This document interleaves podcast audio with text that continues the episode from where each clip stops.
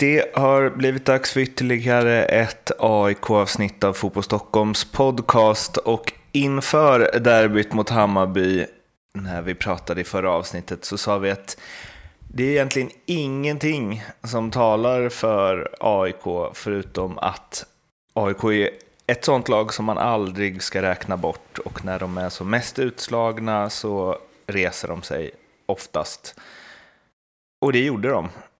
2-0, vi hade 7-1 på avslut i mål och eh, efter den här matchen så har inget, eh, eller AIK har inte vunnit borta mot, så mycket mot något annat lag som de gjort mot Hammarby sen allsvenskan startade. Och det var väl, det, de liksom fångade det enda argumentet vi hade, Oskar. Ja, det får man säga. Man ska aldrig räkna ut AIK, det är en sak som är säker. Mm. Så många gånger man har sett det här. Så många gånger som det har skrivits krönikor om att allting är på väg åt helvete och, och mm. det låter likadant i supporterleden och sånt där. Mm. Och sen ja, kommer nästa match och eh, då vänder man allting och sen är man igång igen. Det För den här, eh, den här, eh, det här derbyt var ju liksom, det var ju tappa hakan-derby. Mm. Verkligen. Alltså man förstod inte vad som hände.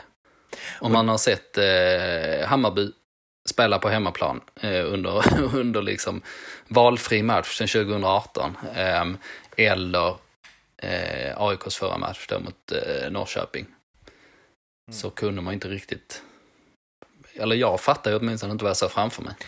Det är det som vi kommer ju mer till det, vad det var som egentligen hände, men det, det är ju också att AIK löser det på ett oväntat sätt. Tidigare när man räknat ut AIK så kanske det ändå funnits någon form av så här, de har de kanske hittar olika vägar i och för sig, men generellt tänker jag så att de sluter sig samman, det är de mot världen, alla hatar dem och så vidare. Och sen så liksom krigar de sig till en eh, seger. Men nu var det ju på ett eh, knasigt sätt som ingen hade kunnat förespå. Det var ju inte så att de bara gick in och köttade och eh, backade hem hela laget och så, utan det, Ja, vi kommer som sagt till det, men det, det, finns en motståndare som påverkar vårt spel, som Tommy Söderberg sa. Och det kan man väl säga att Hammarby gjorde i allra högsta grad till positiv fördel för AIK i den här matchen.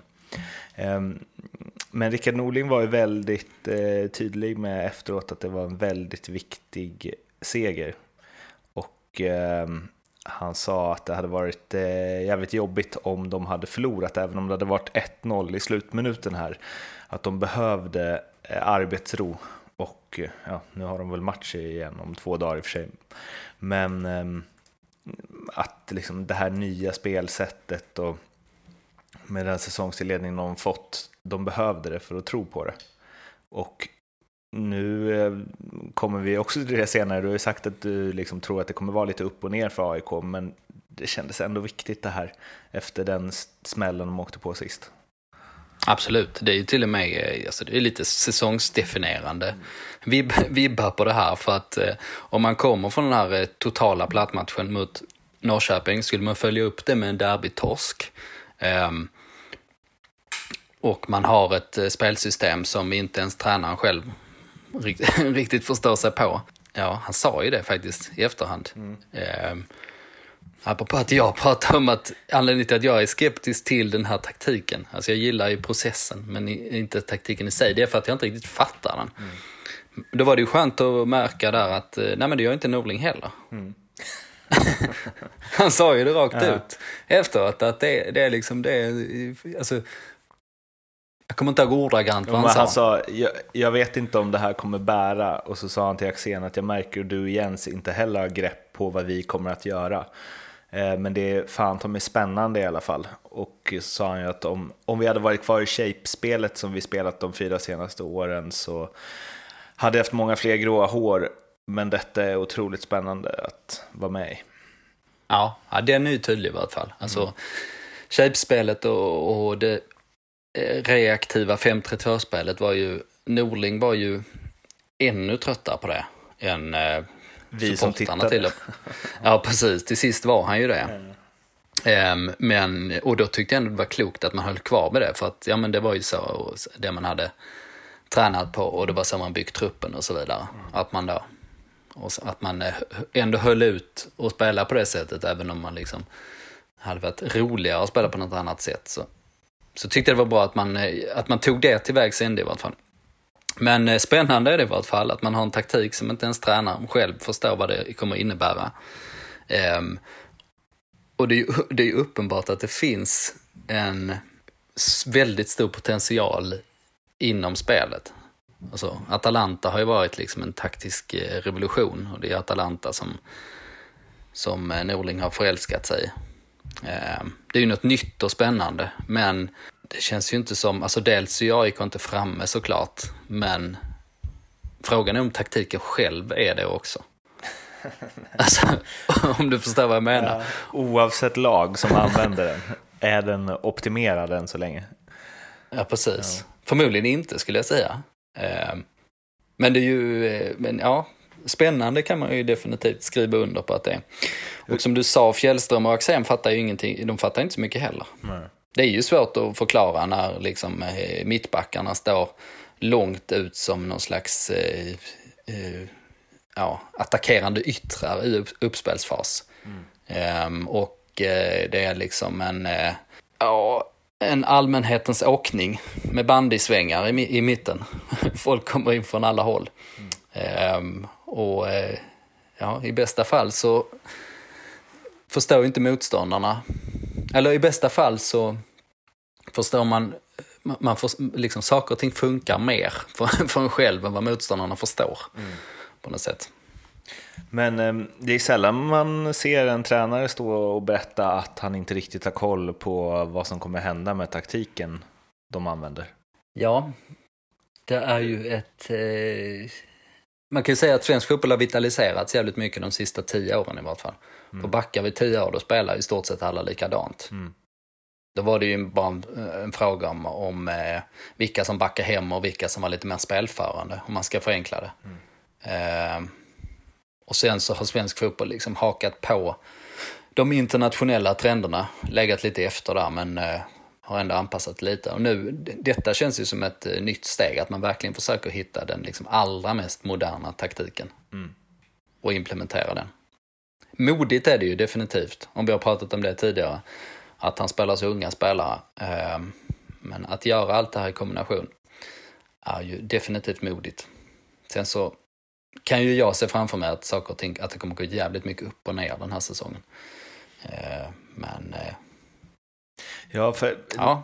någonstans så blev det ju i den här matchen också att eh, tvärt vad vi eh, tänkte att det skulle bli, vad nog alla tänkte att det skulle bli, så tillät ju AIK spela så här och det var ju det var ju mycket rull i första halvlek eh, där man inte hotade någonting i princip och eh, ja, jag har inte kollat upp Billborns eh, säga om att AIK var i offensivt straffområde första gången efter typ 40 minuter. Eh, men de hade ju bollen och fick ju någonstans eh, det låter lite konstigt att säga, men kanske de fick liksom öva lite på sin taktik. Och förstå ja, själva vad det är de håller på med. I lugn och ro mm. fick de liksom göra det. Precis, det var som om de spelade mot Vasalund på Skytteholm. Mm. Och så har man sagt åt, sagt åt Vasalund, eh, håll, håll lite avstånd här. Ja. Lite, lite social distansering här då. Ja.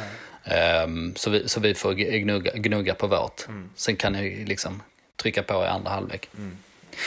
Nej, ha, Billborn, Billborns Norling-komplex har vi skrivit upp som en punkt här. Mm. Men man undrar ju lite vad det är som försiggår. Um, för att um, Norling har ju en eh, rejäl plusstatistik på Billborn. Tror det är 4-1 i matcher. Och, och uh, till det här derbyt, då kommer AIK från uh, Norrköpingsmatchen. Uh, där man är uh, satta schackmatt i varenda given situation. Man är totalt sönderpressade och liksom genant underlägsna i man-man-försvaret som hela, hela systemet bygger på. Och eh, Hammarby som spelar ändå ett snarlikt spel som Norrköping, liksom formationsmässigt åtminstone, ehm, kommer från eh, eh, 23 matcher på hemmaplan utan förlust. I majoriteten av matcherna har de pressat sina motståndarna sönder och samman. Ehm, spelat ut dem totalt och man har liksom Kasaniklic och Tankovic på kanterna som vi alltid vinner den här typen av man-man-dueller. Det är förutsättningarna.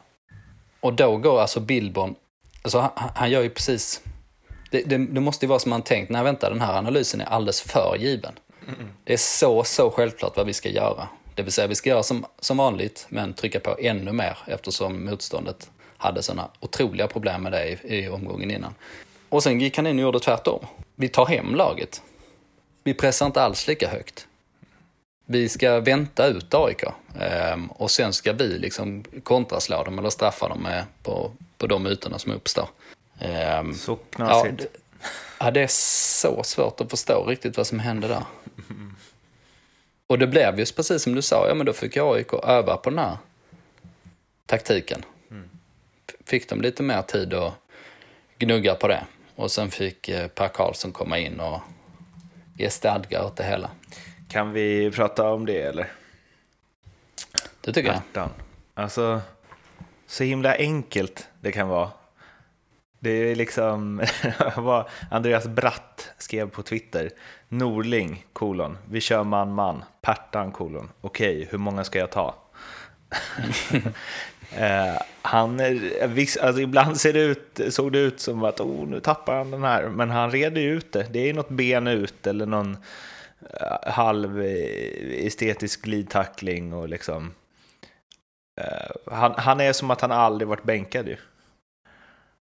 Ja, nej, det var, det var precis den känslan man hade.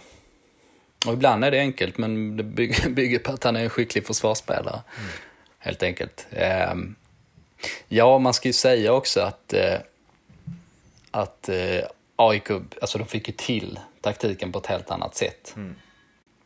Eh, mot Norrköping lyckades de på något sätt komma i numerärt underläge i, i varje zon på planen på något sätt. Mm. Och det gjorde man inte här. Ehm, och eh, jag tror också att Pertans eh, eh, entré i startelvan bety betydde mycket för säkerheten. Det, det, han är kanske inte, i det sättet de vill spela, han kanske inte är den bästa när de har bollen. Eh, som den, I den liksom mittbackspositionen. Men frågan är, alltså när du inte har bollen och kanske tappar bollen lite högre upp och så, jag undrar om det finns någon mittback som är bättre i allsvenskan då på att liksom vara i en knepig situation och ändå lösa det. Han är ju, han är ju liksom, jag vet inte, läser spelet så jäkla bra och känns som att han nästan alltid tar rätt beslut. Även om det finns liksom ja, även om det är svåra beslut att välja mellan. Mm. Jo, men han är lite italiensk i sitt spelsätt på något sätt. Mm. Alltså just försvarsspecialisten, att man utvecklar försvarsspelet till en konst på något sätt. Mm. Ehm, och sen om man är lite, ja man är lite sämre med boll, men det spelar ingen roll om man inte har någon press på sig. Nej. Och man inte har någon ambition om att eh, liksom sätta stenhårda passningar rakt upp i banan. Och som du sa, jag tror det betyder mycket också för resten. Bara att han är där. Mm. På något sätt. Det tror jag också. Det blir en annan trygghet. Ja, absolut. Tihi gick ut där på, som eh, högermittback. Mm. Vilket betyder högerytter i uppspelsfas. Mm. Och eh, det är, ju en, det är ju en avancerad roll får man säga. Alltså, sätter verkligen en mittback på prov. Mm. Eh, att vara, operera över så stora ytor på planen. Mm. Jag förstår fortfarande inte vilka ytor eftersom jag inte förstår ta taktiken. Men, eh, men man kan ju bara konstatera att han löser det hur bra som helst. Mm. Alltså den här eh, begåvningen som man har, alltså den här taktiska begåvningen och eh, förmågan att bara lösa situationer mm. eh, är ju eh, väldigt imponerande att se. Och det är just den typen av egenskaper som kommer ta dig långt. Alltså, det vill säga att din, din rena talang på något sätt är så, så pass stor. Alltså den typen av egenskaper som, man, som är svåra att träna sig till. Det är härligt att se eh, dem. Alltså de, det är inte bara han, även eh, Tom Stannegård och eh, eh Paulus eh, Abraham. Alltså de, eh, de var ju väldigt bra, alla tre, de, igår. Eh, Bilal Hussein också, men han är ju ett par år äldre. Han gjorde ju sitt första allsvenska mål. Eh, men det som är med de tre framför allt, tycker jag, eh, och det som är så härligt att se, är ju att Eh, men det, det, finns så mycket så ungdom i dem, även om de gör smarta grejer och spelar mer vuxet, eller vad man ska säga, mer rutinerat än vad de är. Så det finns också någon så här, man ser på Ti att så här, fan vad kul. Och, alltså, här, han tar sig verkligen an rollen med entusiasm. Jag tror han gillar att så här, okej, okay, nu är det massa här jag ska sköta. Eh, och jag vet inte riktigt hur, men let's go. Och Paulus Abraham är ju också lite så när han får bollen ibland. Att han börjar liksom röra sig framåt innan jag tror att han har bestämt vad han ska göra riktigt. Eh, och så var det vid målet också. Nu eh, har väl han dominerat enormt i juniorfotbollen och då passade det ju utmärkt att Bayern spelade juniorförsvar där och bara lät honom driva liksom. Men eh, mm. han, alltså de är så jäkla orädda liksom. De verkligen bara kör. Ja, de är sig själva mm. kan man säga. Ehm, ja, exakt den eh, bilden har jag också. Att man, alltså den här ungdomligheten, att det inte är en ung spelare som går in och försöker anpassa sig mm. och eh, vara eh, liksom inte, inte göra misstag. Mm. Och eh, till varje pris bara underordna sig kollektivet. Eh, utan eh, när de kör, kör sitt race eh, fullt ut med liksom eh, med förtjänster och brister. Eh, det var ju någonting som Henok Goitom uppmärksammade när Alexander Isak slog igenom tidigt också. Eh, när han dök upp på träningspassen att istället som de flesta andra juniorerna som får chansen, att man spelar till närmsta gubbe och att man eh, eh, ja, hela tiden bara tar det säkra för det osäkra. Eh, att, man, att man aldrig gör bort sig så att säga. Så gjorde inte Isak på det sättet, utan han eh, kunde hålla i och eh, slå kort, men, men han kunde också pröva de svåra grejerna, alltså från start. Eh, som han hade gjort i, i de andra la, lagen han spelat i. Yeah. Och det, ja, jag tycker det känner, absolut kännetecknar eh, eh, de tre. Framförallt eh, Strannegård och, och Abraham som offensiva spelare. Nu, ehm, det här ska jag bara testa, jag vet inte om det är så här, men jag ska testa och se vad, vad du tycker om det. Ehm, men det kan, ju fin det kan ju vara att de har liksom en enorm talang förstås, vilket de ju har. Ehm, och att de gör sin grej oavsett och att de har den tryggheten och självförtroendet så. Men jag undrar om det inte lite, lite är också, eller det skulle kunna vara i alla fall, att det inte är någon publik. Att det är som vanligt för dem. Alltså, det blir inte den här enorma skillnaden med 30 000 pers på läktaren som kanske ändå så här, ge, det blir en ny upplevelse för dem den grejen. Sen kanske de blir bättre av det också, det är mycket möjligt. Men det blir ju mer som att så här, det är ju mer likt att spela en juniormatch nu. Precis, ja men det är nog en bra spaning tror jag. Det är, en, eh, det är svårt att få någon facit här såklart. Mm. Men ja, min, eh, ja, jag är nog med dig på den faktiskt. Jag tror också att det varit en annan sak om, om man spelat ett derby liksom inför en fullständigt sjövild publik. Mm. Eh, 30 000 eller ja, 50 000 kanske till och med. Det kan ju gå åt båda håll då. Antingen att du inte vill göra bort dig, så därför så spelar du säkrare framför osäkra. Eller att du också får liksom för mycket adrenalin och vill göra så jävla mycket och ta massa dåliga beslut. Men nu känns det bara som att de, de spelar bara exakt som de gör, eller gjort när de spelar tillsammans i ungdomslaget. Liksom.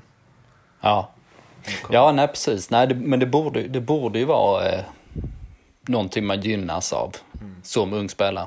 Men eh, om vi återigen vänder tillbaka till Alexander Isak, så hans grej till, till exempel i derbyn var ju att han, han, han påverkas ju inte ett dugg av inramningen.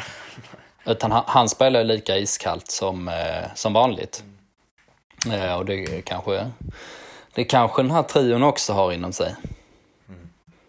Men eh, ja, man kan bara konstatera att de här tre talangerna, det är liksom inga eh, spelare som, dyk, Nej, det är inga spelare som dyker upp och som man tänker att eh, ja, vi får se vad det blir. Liksom. Utan det här, det här är ju tre spelare som kommer gå jävligt långt. Eh, om, om, ja, om saker och ting, om inte med, med oväntade saker händer. Men det är alltså, ja, det är alltså verkligen fina talanger. Alltså. Det ska, med all respekt för eh, Sirius, men det ska mycket till för att någon av de här tre ska dyka upp och lira i Sirius-ish om fem år. Nej, det kan man inte se framför sig Nej. faktiskt. Och jag brukar ändå vara lite försiktig i, i eh, talang... Du vet, mm. dubba folk som supertalanger Det ska man ju akta sig för.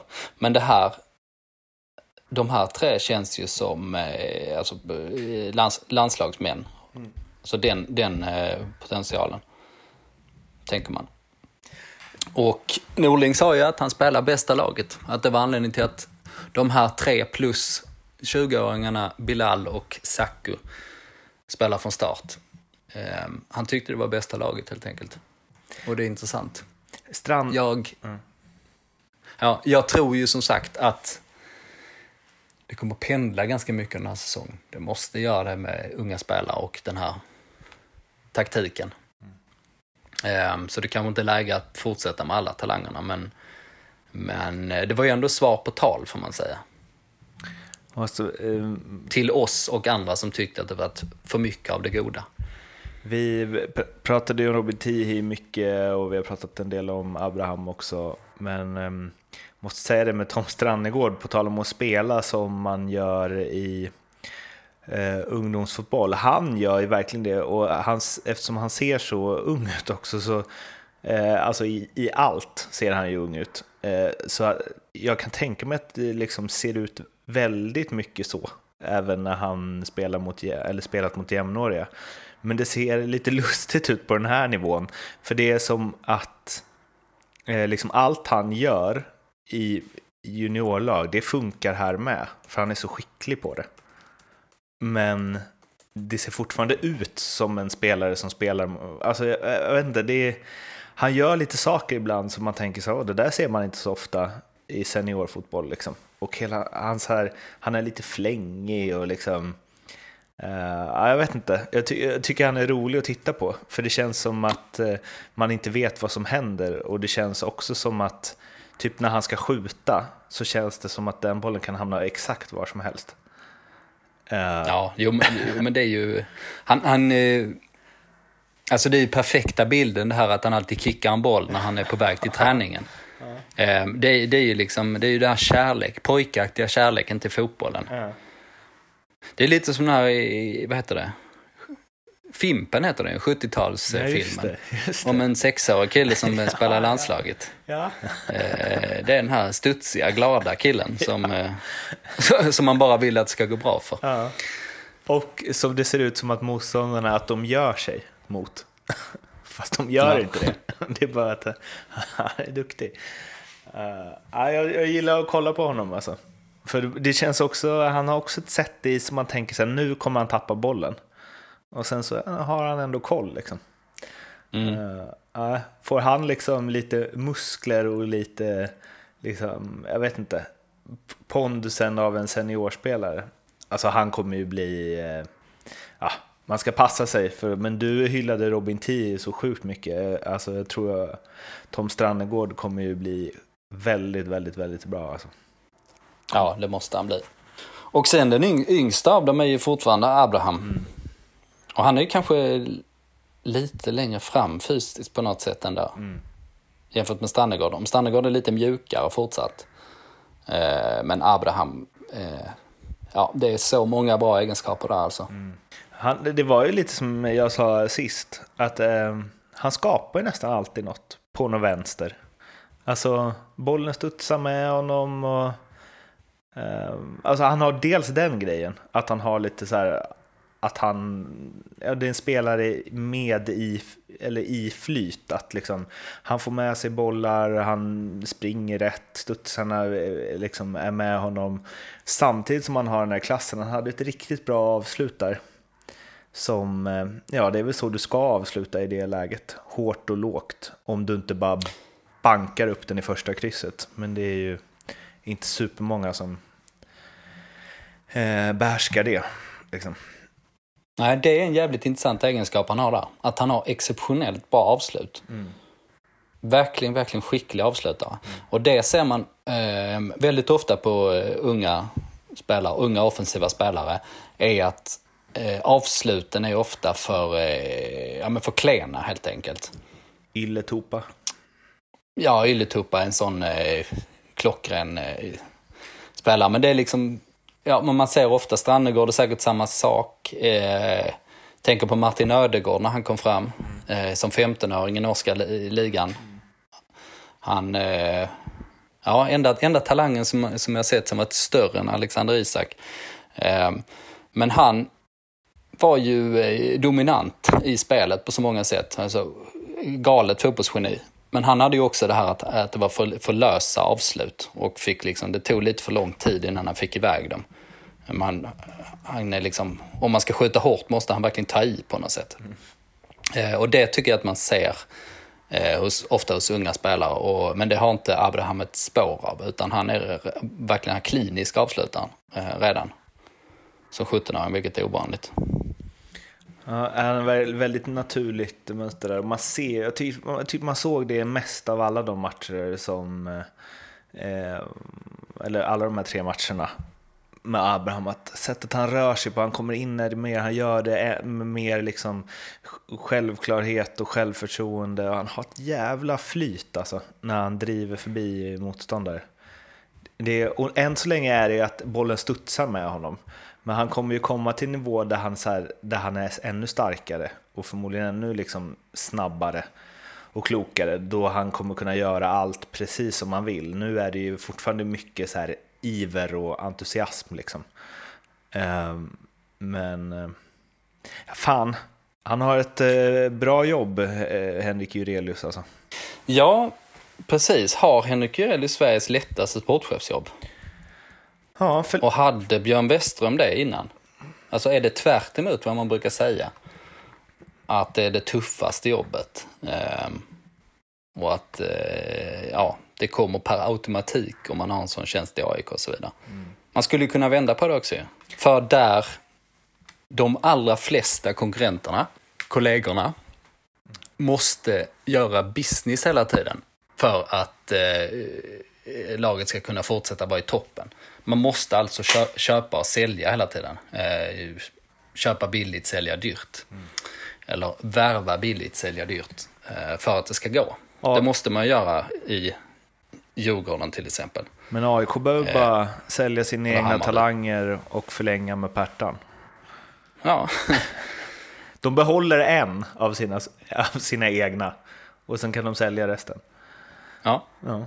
Nej, men det är ju, det, det, det är ju eh, en ynnest att ha en sån position när man eh, i en klubb med en ungdomsverksamhet som fungerar så exceptionellt bra. Att man får upp de här fantastiska spelarna med jämna mellanrum och nu kanske då får upp många på en gång till och med. För att eh, ja, de spelarna man säljer är ju nästan alltid eh, de egna spelarna som bara fått spelas in. Och sen har man ju dessutom möjligheten att plocka hem de här spelarna i ett senare skede också, vilket man, har, vilket man gör med jämna mellanrum. Alltså att Milosevic och, eh, och eh, Nabil kan komma tillbaks i bra ålder och så vidare. Mm. Du vill ju gärna eh, banka fast det här AIK SM-guld 2022. Men man kanske i samma veva ska säga AIK SM-guld 2036 också. ja, du menar när... När de kommer hem? När Strannegård och Tihi och Paulus är hemma igen. Ja, precis. Ja. Nej, men det är i alla fall... Eh, eh, nej, men det definierar ju klubben jäkligt mycket. Mm. Och eh, det finns ju en helt annan eh, potential där såklart. Sen så har man gjort vissa affärer, alltså typ Kristoffer Olsson var en sån affär, mm. apropå. Där köpte man inte billigt, men man sålde definitivt dyrt i vart fall. Mm. Um, och det finns ju också en sån faktor, alltså man jämför med Djurgården då som har sålt för en bra bit över 200 miljoner netto eh, på eh, invärvade spelare. Från att man, en, liksom en, att man var en bort, eller nedre halvan klubb till och med. Liksom. Att man jobbat på det sättet. Och, och plockar man upp egna talanger, då, då ställer man sig i vägen lite för, alltså, man kan ju inte, man kan inte göra allt på en gång. Alltså, hade, hade, hade Djurgården haft många bra egna talanger, de har inga alls, då hade de inte behövt in så många afrikanska spelare till exempel. Och så. Mm. så det finns ju en sån faktor. Men hur som helst, det är lätt att konstatera att det är en jävligt eh, tacksam sits i vart fall, att sitta som sportchef eh, när man har sån ungdomsverksamhet. Sen vet jag inte hur stor del man har i den ungdomsverksamheten då, i och för sig. Man kanske eh, kan ta åt sig lite av det jobbet också. Att, eh, att man är med och sätter sig i en sån fin sits. Det kan det vara. Och man kan ju ha en strategi om att man eh, ska jobba in sina egna spelare. Mm. Eh, och det har ju haft, AIK haft liksom på en central nivå mm. ganska länge. Och med blå linjen, spåret som är ja, fascinerande. Hur man eh, lyckas plocka upp nya guldkorn där hela tiden. Ska vi avsluta med att konstatera att det blir SM-guld 2022? Ja, ja precis. Vi spekulerar om det först. Ja. Stärk, tesen stärktes något i avsnitt två. Och nu slår vi väl fast det då. Ja.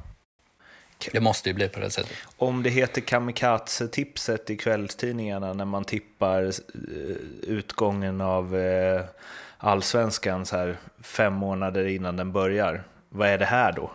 Ja, det är en bra fråga alltså. Men vi har ju å andra sidan eh... Nej, det här, det här är ett säkert tips. Jag väljer att se det på andra, andra sättet. Så det är bara att dunka in barnbidraget på det. Till alla som lyssnar. Fan, ska vi, ska vi höra av oss till Unibet och fråga vad vi får i odds på det? Ja, det tycker jag vi ska göra. det är en, en rolig vinkel. Ja, det var... Ett lång, långtidsspelens långtidsspel blir det då. Verkligen. Eh, det var det för det här AIK-avsnittet. Vi hörs igen inom kort. Det ska ju spelas lite cup och det, spelas, det är ju matcher hela tiden nu så vi får, ju, vi får se när vi hörs igen men vi gör det inom inte allt för lång tid i alla fall. Det kanske inte direkt efter nästa match men eh, någonstans runt där i alla fall. Ni når oss på Twitter, ni når oss på Facebook, ni når oss på Instagram och prenumerera gärna i er podcastspelare så missar ni inga framtida avsnitt. Må gott, hej då! Hej då!